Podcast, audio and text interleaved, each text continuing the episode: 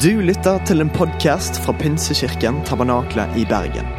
Vi tror at kirken skal være en plass hvor mennesker trives gjennom alle livets faser. En kirke for hele livet. Ønsker du å bli bedre kjent med oss eller holde deg oppdatert? Besøk vår Facebook-side eller ptb.no. Her er ukens tale. Vet du hva? Jeg har gleda meg til denne høsten, og jeg har hatt en veldig bra sommer hvor jeg har fått kobla av. Men jeg har også følt at jeg har fått kobla til på en helt annen måte i løpet av den sommeren. her. Vi har hørt på podkast når vi har kjørt rundt i lange veier med bil og blitt skikkelig gira og inspirert. Eh, og eh, så liksom, Vanligvis hører vi på masse musikk, men denne sommeren her, det var podkastsommeren. Så det var liksom Nå har vi fire timer. Hva skal vi gjøre da? Jo, da har vi tid til å gjøre fire podkast! Altså, det høres jo helt crazy ut, men det har vært denne sommeren her. Eh, og vi har blitt så oppmuntra av å lytte til Guds ord og fylle oss med Guds ord. Eh, og det gjør noe med deg når du fyller deg med Guds ord eh, og lar Han få lov til å bare tale inn i livet ditt. Og så har jeg fått lest litt bøker, og en bok som jeg har blitt veldig inspirert av, det er boka til Bernt André Torjussen. Vi har hatt han her på besøk og snakka om den gode samtalen og litt sånne andre forskjellige ting. Men han har også skrevet en saftig bok som heter ikke mindre enn 'Evangeliet om Guds rike'. Og hva det er for noe.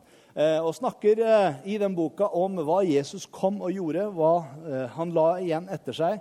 Og Jeg har lyst til at vi skal få lov til å få en liten smakebit av noe av det han deler i den boka. Jeg har lyst til å bare dele det sammen med dere her i kveld. Og Har du lyst til å vite mer, så må du enten kjøpe boka og lese gjennom alt sammen. Eller så kommer vi også til å bruke den eh, i løpet av eh, høsten på bønn- og lovsangskveldene. Det må jo bli da etter at disse torsdagskveldene er ferdig. Eh, så kan du henge deg på eh, på bønn og lovsang, og vi kommer til å koble det med undervisning i forhold til dette og bønn og lovsang etterpå. Men evangeliet om Guds rike, hva er det for noe? Og Jeg har lyst til at vi skal få utvida vår forståelse og hva Guds rike er. Hva dette riket innebærer, og ikke minst hvilken plass du og jeg har i dette riket. Og Vi leser i Markus kapittel 1 og vers 14 og 15. Og Nå skal ikke jeg si som eh, noen andre har satt, legg bort telefonene og padene og alt som er. Nei, åpne dem opp på Bibelen. Eh, så har du Bibelen med deg der. Jeg vet at mange ikke har med seg den boka lenger. Jeg har heller ikke den alltid med meg, men jeg har Bibelen allikevel. Og jeg har den på mange forskjellige versjoner og mange forskjellige språk. Så det, det er fint. Så nå åpner du mobilen, ikke på eh, Insta og alle disse tingene her, men på Bibelen, og så følger du hva vi deler. Etter at Johannes, står det i Markus 1, 14, var satt i fengsel, kom Jesus til Galilea og forkynte evangeliet om Guds rike. Han sa, 'Tiden, tidens fylde er kommet, og Guds rike er nær.' Omvend dere og tro på evangeliet. Johannes, som det står om her, det var Johannes døperen. Han var den som var forgjengeren til Jesus. Han var vel fetter til Jesus på en eller annen måte, eller i hvert fall nær slektning. Eh, og han eh, vokste opp omtrent samtidig med Jesus. Eh, så var det sånn at Elisabeth hun kunne ikke få barn, og ble med barna likevel, selv i voksen alder. Hun som ikke kunne få barn, hun var allerede i den sjette måned når Maria kommer dit, og det sparka i, i liksom magen på begge to, og det var liksom liv allerede der. Det var skikkelig holdt på å si vekkelse der inne. Eh, eh, men han var en forløper til Jesus. Han visste om Jesus. Han var den som sa, 'Se der Guds lam som tar bort verdens synd.' Han fikk lov til å døpe Jesus. Han fikk lov til å være med han. Og allikevel, når Jesus liksom tar av for fullt, og, og evangeliet bare tar om seg, så havner Johannes i fengsel. Eh, døperen Johannes. A, fordi han hadde sagt at det var ikke helt greit, sånn som eh, en av disse statslederne levde med kona til broren sin osv. Eh, det skal man jo helst ikke gjøre. Eh, men det gjorde han, eh, og, det, det, hadde han sagt ifra at det er ikke greit, og ble satt i fengsel for det. Men mens han sitter der i fengsel, så er det jo sånn med mange av oss Når det kommer litt sånn motstand i livet, når vi opplever ting som kan være litt vanskelig, så begynner vi av og til å lure på er det riktig det jeg tror på. Er det liksom hold i dette her som jeg har på en måte satt min tillit til og min lit til? Og Johannes han kom litt i den eh, løypa der også, så han sender noen av sine eh, medarbeidere til Jesus for å spørre er du den som skal komme, eller skal vi vente en annen. Ingen av dere som har hatt liksom noen sånne spørsmål av og til. Liksom, er dette noe virkelig å tro på, eller er, eller er det bare sprøyt? Men selv han som hadde da levd i det, fikk oppleve noe av dette spørsmålet. Og Da forteller Jesus, eller han sender dem tilbake, og så sier han Fortell Johannes hva dere ser og hører. Jeg liker uttrykket. Hva dere ser og hører. Ja, Hva var det de så og hørte? Jo, de så blinde hadde fått syden igjen. De så lamme gå. Spedalske ble rensa. Evangeliet ble forkynt for fattige. Og salig, sier Jesus, er den som ikke tar anstøt av meg. Og Så løper de tilbake til Johannes og så forteller de dette. Og jeg sitter på Johannes og tenkte He's the guy. He's the man. Det er han jeg trodde på, og det er han. Evangeliet om Guds rike handler om et gledesbudskap. Og Ordet evangelium det betyr egentlig det gode budskapet. Og Evangeliet er altså de gode nyhetene om at Guds rike er kommet nær gjennom Jesus Kristus. Og Så kom han, og så forkynte han omvendelse. Tiden er kommet, Guds rike er nær. Omvend dere og tro på evangeliet. Ordet omvendelse, hva er nå det for noe? Hva er det første du tenker på hvis jeg sier du må omvende deg? Bernt André han sier i sin bok eh, 'Evangeliet om Guds rike' jeg er redd vi reduserer betydningen til å handle om å vende seg bort fra syndige handlinger, mens ordet bokstavelig talt betyr å tenke annerledes. Fatte et nytt sinn. Omvendelse innebærer selvfølgelig en endring av vår livsførsel. Men vi har en tendens til å kretse rundt oss selv og hva vi må gjøre eller ikke gjøre. Det er befriende å oppdage at det ikke handler om oss, men utelukkende om Jesus og hva han har gjort. Jeg syns han sier det så bra. Det er ikke først og fremst hvor syndig er du, hvor god har du vært, hva, hva, hva har du gjort for noe? Men vi kan få lov til å vite at frelse, det handler om hva han har gjort, og gjort ferdig for at vi skal få lov til å komme i relasjon med han. Da Paulus skrev om omvendelse til menigheten i Tessaloniki, så skrev han om hvordan dere vendte dere til Gud fra avgudene for å tjene den levende Gud. Og jeg elsker hvordan han sier her det er å snu hele på hodet. Bibelen lærer at omvendelse handler om å vende seg til Gud og stole først og fremst på Ham. Å vende seg til Gud vil imidlertid også innebære at vi vender oss bort fra synd. Men fokuset må alltid være først på Gud. Alltid på Gud, og ikke på vår synd. Det er mange mennesker som lever der i en sånn forventning at jeg bare jeg blir god nok, bare jeg slutter med det og begynner med det og eh, ender opp sånn og sånn og sånn, da skal jeg søke Gud, for da er jeg god nok. Har en dårlig nyhet til deg. Det blir du aldri. Men jeg har en god nyhet til deg. Du kan få lov til å komme til Gud, og så hjelper han deg med alt det som du syns er vanskelig. Og Det er jo det som er evangeliet. Vi kan få lov til å komme til Gud.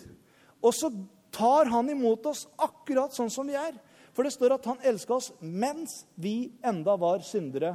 Så døde han for oss. Før vi i det hele tatt hadde fått gjort noen ting for å vise at vi var verdige det han hadde gjort.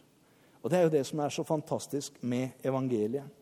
Omvendelse er et paradigmeskifte, sier da, eh, da, han holdt på å si David André, eh, Bernt André Torjussen. En fullstendig ny og større måte å tenke på. Og Vi møter denne utfordringen i forholdet mellom det gamle og det nye pakt, i spennet mellom lov og nåde, og så avgjort i møte med evangeliet om Guds rike. Omvendelse, det er en viljesbeslutning. Det handler eh, ikke først og fremst om en emosjonell opplevelse.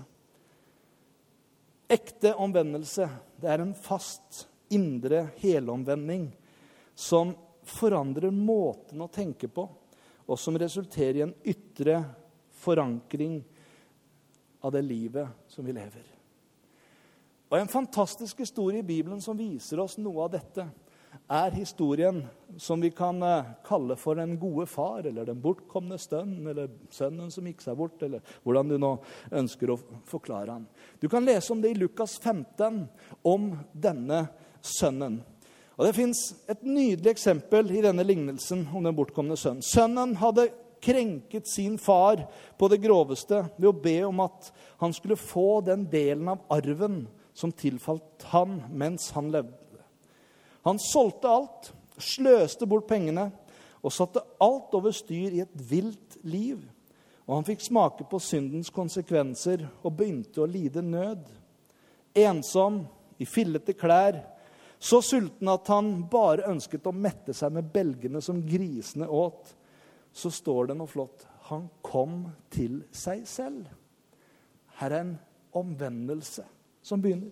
Han kom til seg selv, og han begynte å tenke på virkeligheten hjemme hos far sammenlignet med hvordan han nå hadde det.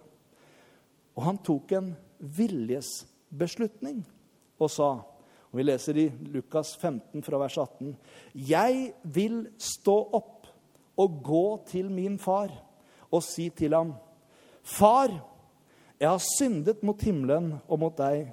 Jeg er ikke lenger verdig til å kalles din sønn, men gi meg en tjeneste som en av leiekarene dine. Du må lese den historien ferdig når du kommer hjem. For det er en fantastisk historie. Det sto ingen far der med verken svepe eller med kjeftesmella og sa at 'Kommer du her nå, ja? Du som har kasta bort hele arven og sløst det bort' og Nei, jeg er sikker på at den faren fra den dagen han gikk, så hadde han stått og venta på han man tror man kommer tilbake i dag. Og det er sånn Gud er. Når Jesus forteller denne historien, så forteller han den for at mennesket skal få oppdage hvordan Gud er, og hvordan Gud står og venter og ønsker å ta imot oss, og hvordan han ønsker å gi oss tilbake både verdighet, verdier som vi har gått tapt når vi gikk bort ifra han. Det ønsker han bare å gi tilbake igjen til oss. Men vi ser to ting i det som sønnen gjorde. Han sto opp og kom til sin far. Og det er virkelig omvendelse. Først en indre beslutning, og så en ytre handling. Å dra hjem til far. Bibelen snakker også om en annen type omvendelse når det gjelder Guds rike, og hvordan vi kan få lov til å leve i det riket. Og Det er kanskje litt sånn pussig uttrykk. Eh, det snakkes om omvendelse fra døde gjerninger. Og Hva er nå det for noe? I Hebrevet kapittel 6 og vers 1 så definerer apostelen en sentral del av grunnvollen i det kristne livet, som nettopp er dette. Omvendelse fra døde gjerninger og tro på Gud. Så hva innebærer det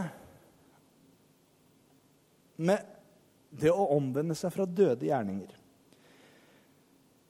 At vi må vende oss om fra onde og umoralske handlinger, det er jo åpenbart. Men det er ikke bare slike gjerninger apostelen refererer til her. Men de gjerningene han refererer til, det er de gjerningene som vi på en måte løfter opp oss sjøl på. Vi greier oss så veldig godt uten Gud, uten hans hjelp. Det blir liksom litt sånn egotripp. Se hvor god jeg er. Se hvor bra jeg får det til. Jeg trenger ikke deg til dette. Og det er sånne døde gjerninger, som Bibelen kaller det, fordi han ønsker at vi skal få lov til å være avhengige av han. Alt jeg kan gjøre i egen styrke, uavhengig av om Gud har talt, eller om jeg er fylt av Den hellige ånd eller ikke, kan fra et menneskelig synspunkt være vel og bra. Men for Gud så er all vår rettferdighet som et urent klesplagg, sier eh, profeten Jesaja i kapittel 64 og vers 5. For mange av oss kan det være vanskelig å ta inn over seg en slik tankegang. At vi ikke på en måte skal kunne greie oss sjøl og gjøre det vi sjøl vil og vet. Og det sparker litt beina under mye av det livet har vent oss til å tenke. Og jeg tror at sekulariseringstanken har kommet så langt at vi i praksis har utdatert forventningene om noe overnaturlig når vi samles i gudstjenesten. Men Gud er en Gud som kan gjøre langt utover det vi forstår å be om, sier Bibelen. Og Jeg tror at vi må tilbake dit. Og Jeg sier ikke at vi ikke skal studere, at vi ikke skal lære, at vi ikke skal bli gode på ting. Men vi må ha med oss den dimensjonen som gjør at jeg sier, 'Gud, hit og ikke lenger kommer jeg', men takk at du er større enn meg. Du kan gjøre mye mer enn det jeg forstår. Alt må ikke forstås. Det er en dimensjon i det åndelige livet som er utenfor det jeg forstår. Men det fungerer allikevel. Og det er noe av det som jeg tror vi må få tak i igjen. En pastor som eh, er eh, leder og pastor, forfatter, i eh, en av de største pinsebevegelsene i USA, A.W. Tosser, han sa en gang en menighet som ikke vil tilbe, vil bli underholdt. Og jeg tenker, Så grusomt å komme dit. Jeg, jeg elsker jo å tilbe. Jeg syns det er herlig. Er liksom, når vi starter tilbedelse, så tenker jeg I'm home with you. Og vi kan få lov til å løfte blikket og vi kan få lov til å løfte hjertet vårt og lovsangen til Han, som er verdt det. Men når ikke vi har med oss den dimensjonen, så kan vi ofte bli sittende liksom «Ja, 'Gitaren var ikke, ikke helt så bra i dag. Ja, den sang ikke like flott i dag.' Og så blir vi tilskuere som sitter på en måte isteden og vurderer. Men Gud har kalt oss til å være med og få lov til å komme inn og få lov til å oppleve hans nærvær. Tosser sa også at 'jeg minner dere om at det er menigheter som er så langt borte fra Guds hender' at dersom Den hellige ånd trakk seg bort fra dem, ville de ikke funnet ut av det før mange måneder etterpå. Det er jo grusomt. Hvis det skulle være riktig. At vi blir så gode og dyktige oss sjøl at denne erfaringen med hva Gud ønsker å gjøre i oss og gjennom oss, blir fullstendig borte. En som kanskje ikke er like godt kjent for alle, en som heter John Wimber, en amerikansk predikant og kirkeleder. Opprinnelig var han populærmusiker. Og eh, Så sent som i 1977 så stiftet eh, Wimber en menighet som ble starten på noe som ble kalt for Winyard-bevegelsen. Han skrev to bøker som heter 'Power Evangelism' og 'Power Healing'. Eh, bare for å fortelle litt om hvem denne personen var. Og Han pleide å forklare forsamlingen når han var ferdig med å tale, og det var tid for å praktisere det som var forkynt. At han hadde en sakral bønn som han alltid måtte be. Og De som kjente han, de visste at det sakralt det liksom stemmer ikke helt med han. Han så ut som en hippie, han liksom preka som en hippie. Han var liksom helt sånn eh, Så det med sakralt det liksom, det, Men han brukte det uttrykket. 'Jeg har én sakral bønn', sa han. Og den er veldig enkelt. Den er sånn Hjelp! Ikke det fin bønn? Jeg vet ikke om du har bedt en bønn noen gang. Den er veldig enkel, den er veldig direkte, og den kan være veldig ærlig. For Han sa det at 'jeg kan preke Guds ord'. Jeg kan lære meg å preke veldig bra. Men det er én ting jeg ikke kan. Når jeg står framme etterpå og jeg har prekt om Guds kraft og Guds mektige tro, at mennesker kan få lov til å oppleve hans mirakler, og folk kommer fram som har vanskelige sykdommer, og jeg går ned og skal be for dem, det er da jeg virkelig trenger å rope hjelp. Det er dit og ikke lenger jeg kommer, men det er der jeg kan åpne meg for Guds kraft og Guds mirakler og Guds muligheter. Og Gud, han er der. Vi skal se litt på det. Og Det er jo det som er så fantastisk, og det er en dimensjon som jeg i hvert fall har lengta etter denne sommeren. Gud, dette vil jeg se mer av. Dette vil jeg oppleve mer av. Og jeg tror Gud bare smiler og gleder seg i himmelen og sier det skal du få se mer av, men da må du gi meg litt rom for at jeg kan få lov til å gjøre det i og gjennom ditt liv. Og jeg tror at det er, et, altså det er jo det som er spennende kristenliv. Å komme inn i det området der. Jesus, han uh, sa at 'jeg er vintreet, dere er grenene'. Den som blir i meg, og jeg i ham, bærer mye frukt. Men uten meg kan dere ikke gjøre noe. Og Jeg tror dette verset er hemmeligheten i ønsket om å leve i dette livet. Det handler ikke om meg, det handler om Han. Og jeg, Det handler ikke om min streven etter å få det til heller. Akkurat like lite som en gren strever for å bære frukt. Nei, den er jo bare kobla til treet. Og så lenge den er kobla til treet, så flyter sevjen fra treet ut i grenene, og så produserer det frukt. Hvor mye gjør grenene for at det skal produsere? Ingenting. Men det må være kobla til treet.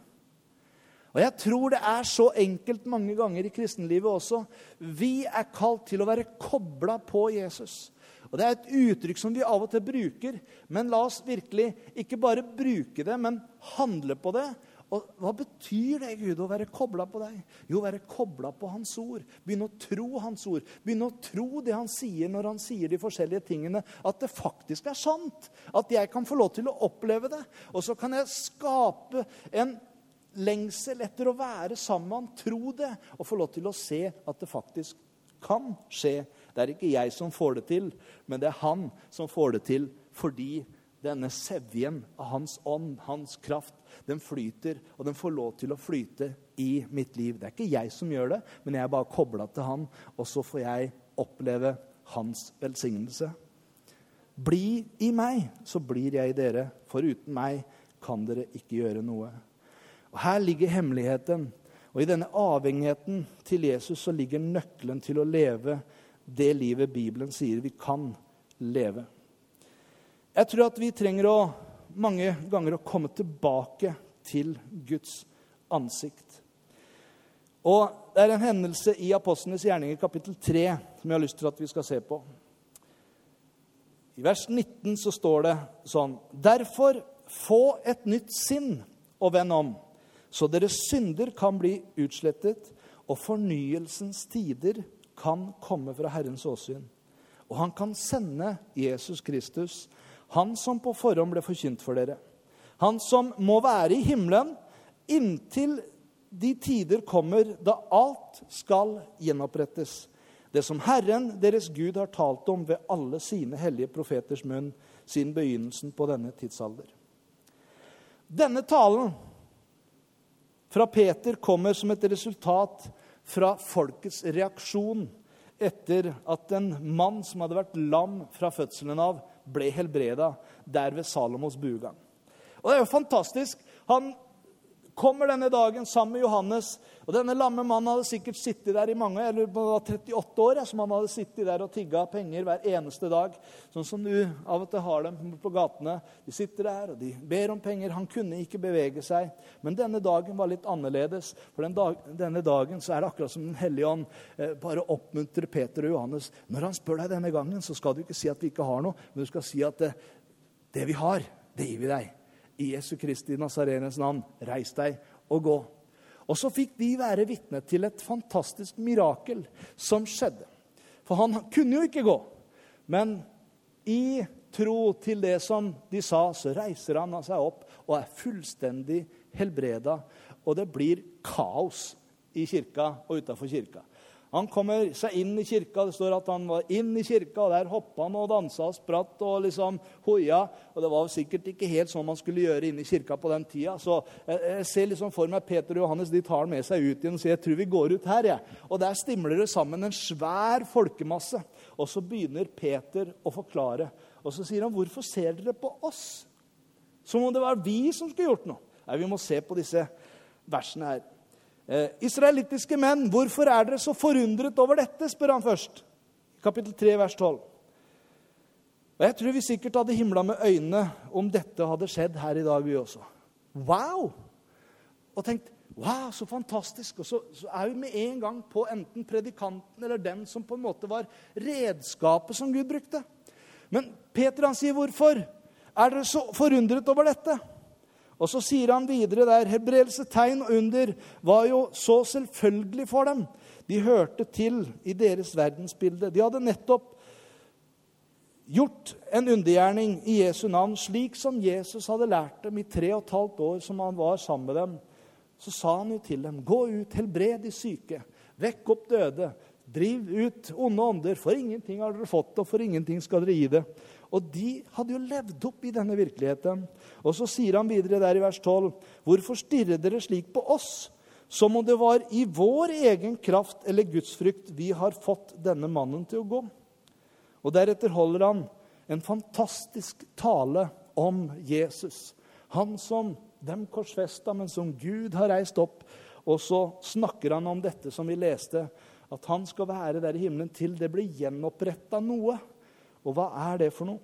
Jo, Petra konkluderer med at troen på hans navn er det som har gjort at denne mannen er sterk her iblant dere. Troen på hans navn. Kan du se det? De løftet opp Jesus i det som hadde skjedd. Og Det handlet ikke om predikanten eller personen eh, som ble løfta opp. Da blir det svake resultater hvis det er de som løftes opp. Men der hvor det er en atmosfære av kjærlighet, hvor gløden kretser om han, Jesus, så blir det ofte utrolig sterkt. Og gjenopprettelse snakker Bibelen om. Og Bibelen forteller at i tiden før Jesus kommer tilbake, så vil det være tider av fornyelse og gjenopprettelse. Eller vekkelse, om du vil bruke et gammelt ord, som eh, får ny kraft. Med denne historien med, med denne horisonten og dette bakteppet så må vi forstå at det handler om Gud og Hans ord. For fornyelse, det handler dypest sett om å vende seg tilbake til Gud. Til utgangspunktet der det hele starta. Og som kirke vil vi spare oss for mange frustrerende omveier om vi aksepterer dette. Salmisten han setter sine ord på dem når han sier Gud, før oss tilbake. La ditt ansikt lyse, så vi blir frelst. Og I Klagesangen kapittel 5 og vers 21 så står det Vend oss om til deg, Herre, så blir vi omvendt. Forny våre dager slik som i gammel tid. Og I motsetning til eh, mange av de moderne trendene som vi kanskje ønsker å gå for i menighetsbygging i dag, så tror jeg det er mange hippe og kule greier vi kan gjøre. Oppdage. Men jeg tror at Gud han ønsker å føre oss tilbake til noe av det grunnleggende også. Noe av det som var originalen av det som vi skal få lov til å oppleve. Og Jeg tror lengselen etter fornyelse henter kraften ifra bønnen som vi leste. Forny våre dager slik som i gammel tid. Noen, kanskje spesielt når du snakker med eldre mennesker, så lengter de tilbake til en vekkelsestid som var når de var unge. Og de husker hvordan det var. og Fulle hus og masse folk. Det var kø for utsida. Jeg har hørt liksom historie her fra denne kirka også. Vi feirer jo 100 år neste år og har lest litt historie. Hvordan de sto på utsida av vinduene og titta inn, og det var kø på utsida til å komme inn til neste gudstjeneste. Og Det er sånne tider hvor man opplever og man tenker å, tenk om vi kunne fått tilbake de tidene. Og andre kanskje har andre tider hvor man tenker tilbake på. Mens andre igjen, de har kanskje ikke gode minner i det hele tatt av disse tidene. Kanskje de opplevde heller vanskeligheter også. Men skal vi tilbake noe sted, så tenker jeg at vi må tilbake til utgangspunktet. Til originalen. Det finnes én originalutgave, en førsteutgave av alle produktene som er laget i verden. Og det første produktet, originalen, blir utgangspunktet for all videre produksjon.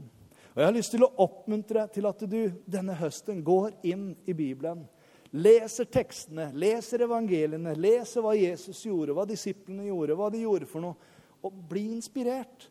Og still deg noen spørsmål. Er det noe spesielt du har oversett? Er det noe du ikke lenger vier oppmerksomheten? Er det noe vi har lagt vekk som vi bør ta opp igjen? Og hvordan vil verden merke forskjellen om vi tar dem tilbake?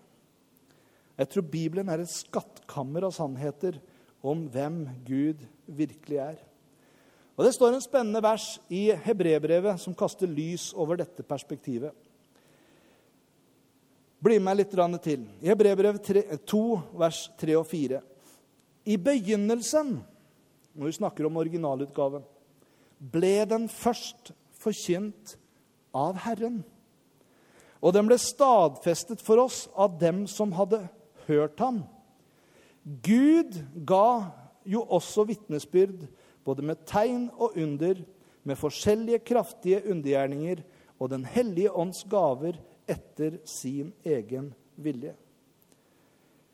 I Apostlenes gjerning 1.1 så står det at Jesus begynte å gjøre og lære. Når Lukas skal skrive historien, så sier han nå skal jeg fortelle dere historien om hva Jesus begynte å gjøre og lære. Først så forkynte Jesus. Og Forfatteren trekker oppmerksomheten vår til noe av den viktigste oppklarende sannhetene. Frelsen ble altså først forkynt av Herren. Det Jesus begynte med, både å gjøre og lære, det er kristendommens originalutgave. Og For å tydeliggjøre hva dette egentlig er, så utdyper forfatteren av Hebreerbrevet med flere detaljer. Jesus begynte, men så står det at det ble stadfestet ved de som hørte han forkynne. Altså apostlene, disiplene hans. Frelsen slik Jesus hadde åpenbart den gjennom det han gjorde og det han lærte, ble deretter stadfestet for oss av dem som hadde hørt ham. Så disiplene og apostlene de videreførte det Jesus begynte. Og Ved å studere deres liv og deres gjerninger og lære, så får vi om mulig en enda tydeligere bilde av hva evangeliet om Guds rike handler om. Og som ikke om det skulle være tydelig nok, for at vi ikke skal, skulle være i tvil om hva originalutgaven av kristendommen handler om, så er det akkurat som Gud selv kommer ned, og så signerer han originalutgaven. Og hvordan gjør han det? Fantastisk. Vers 4. Gud ga jo også vitnesbyrd, både med tegn og under, og med forskjellige kraftige undergjerninger og Den hellige ånds gaver etter sin egen vilje. Vet at Dette verset her hadde jeg aldri lest på den måten der før. Jeg hadde lest igjennom det, Jeg liksom lest eh, liksom, som en del av hebreerbrevet. og Det liksom går igjennom, ikke sant? Det er jo mye historie om Men plutselig så så jeg dette her. Jesus han starta, ga malen på noe som disiplene fullførte og fortsatte med. Og så signerer Gud med det som ikke de kunne gjøre. Under, tegn, mirakler og åndelige gaver. Dette er noe som jeg tror vi trenger å lære å komme mye mer inn i. Og Hvordan kan vi vite at det virkelig er Bibelens evangelium som forkynner? Jo, Bibelens evangelium er det budskapet Jesus forkynte. Det ble stadfestet og utdypet av apostlenes lære i Det nye testamentet.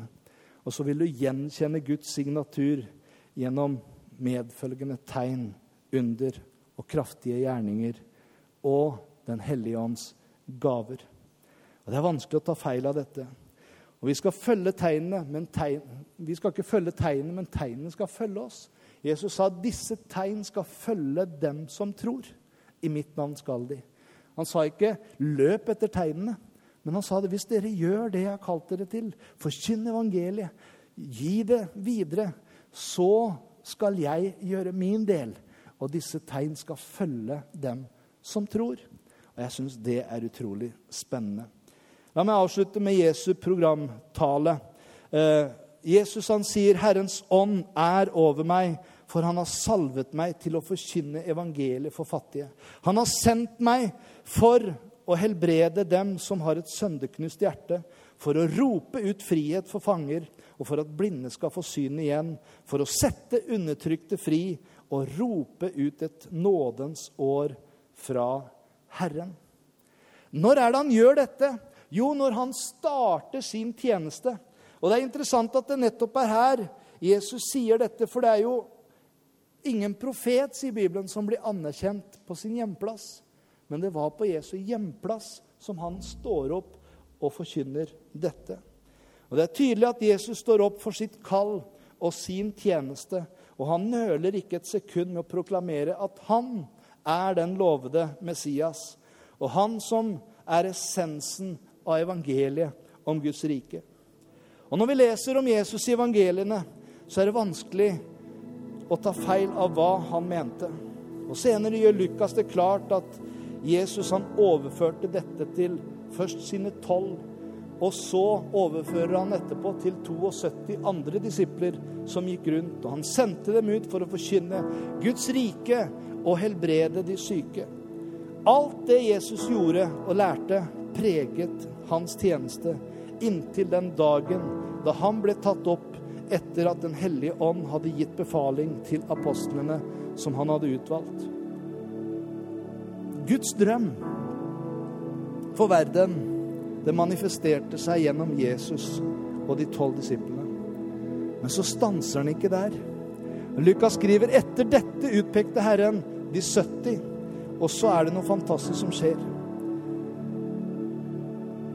For Jesus er ikke helt ferdig ennå. Guds drøm er ikke begrensa til Jesus og de tolv eller de 70. Det er mange som tror det. Ja, men var, de var kalt til å være apostler, men det stansa der.